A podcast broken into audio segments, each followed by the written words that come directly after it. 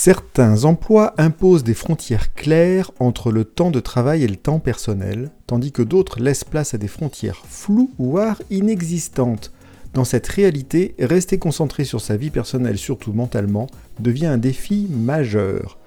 Bienvenue, vous êtes sur J'ai pas le temps pour ça, le podcast proposé par Eric Boucher.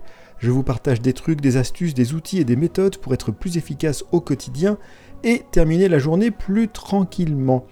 C'est la Harvard Business Review qui nous propose cet article intitulé Laissez le travail au travail. Que nous dit-il Imaginez cette scène, vous êtes à table et votre fille partage sa journée. Mais au lieu de l'écouter, vous vous demandez si un email crucial de votre patron est arrivé, ou encore vous troquez le temps qui pourrait être consacré au sommeil, à l'exercice ou à des moments avec votre conjoint, votre conjointe, pour rester collé à votre ordinateur. Cette situation peut également se traduire par une vie professionnelle bien organisée, mais des finances chaotiques et une maison en désordre simplement parce que vous ne prenez pas le temps de régler vos factures, de planifier votre retraite ou de faire le ménage.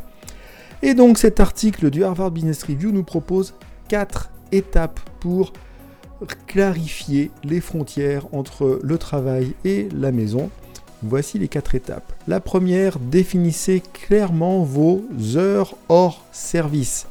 Si vous avez un emploi classique, ces heures sont déjà fixées, mais dans un environnement flexible, vous devez décider quand vous êtes en service et quand vous êtes hors service.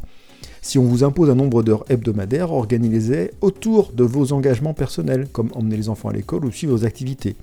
Si votre travail est plus flexible, déterminez combien de temps vous souhaitez consacrer au sommeil, à l'exercice, à la famille, aux amis, et définissez vos heures hors service en conséquence. Deuxième étape, ayez une clarté mentale sur vos tâches et leurs échéances. Utilisez un système de gestion de tâches, c'est un peu le sujet de ce podcast, ou un calendrier pour noter vos responsabilités et planifier votre travail.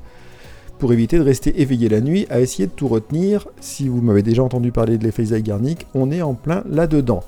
Organisez une révision en fin de journée pour vous assurer que toutes les tâches prioritaires ont été accomplies, que les emails urgents ont été traités. Étape numéro 3, intéressante, communiquez avec vos collègues. Si possible, établissez des limites claires après les heures de travail et communiquez-les directement. Dans des situations où la frontière est floue, définissez des directives sur la manière dont les gens peuvent vous contacter, réduisant ainsi les interruptions non désirées. Et enfin, quatrième étape, faites votre travail pendant les heures de travail. Accordez-vous la permission de travailler pendant la journée au lieu de réserver les vraies tâches pour le soir. Protégez votre temps, planifiez des plages horaires pour les projets, répondez aux emails et si nécessaire, travaillez ailleurs que dans votre bureau. Si vous devez faire du travail en dehors des heures normales, fixez une limite de temps spécifique plutôt que de laisser le travail envahir vos soirées ou week-ends. On le voit, rien de totalement révolutionnaire si vous avez déjà écouté d'autres épisodes de ce podcast ou suivi certaines de mes formations.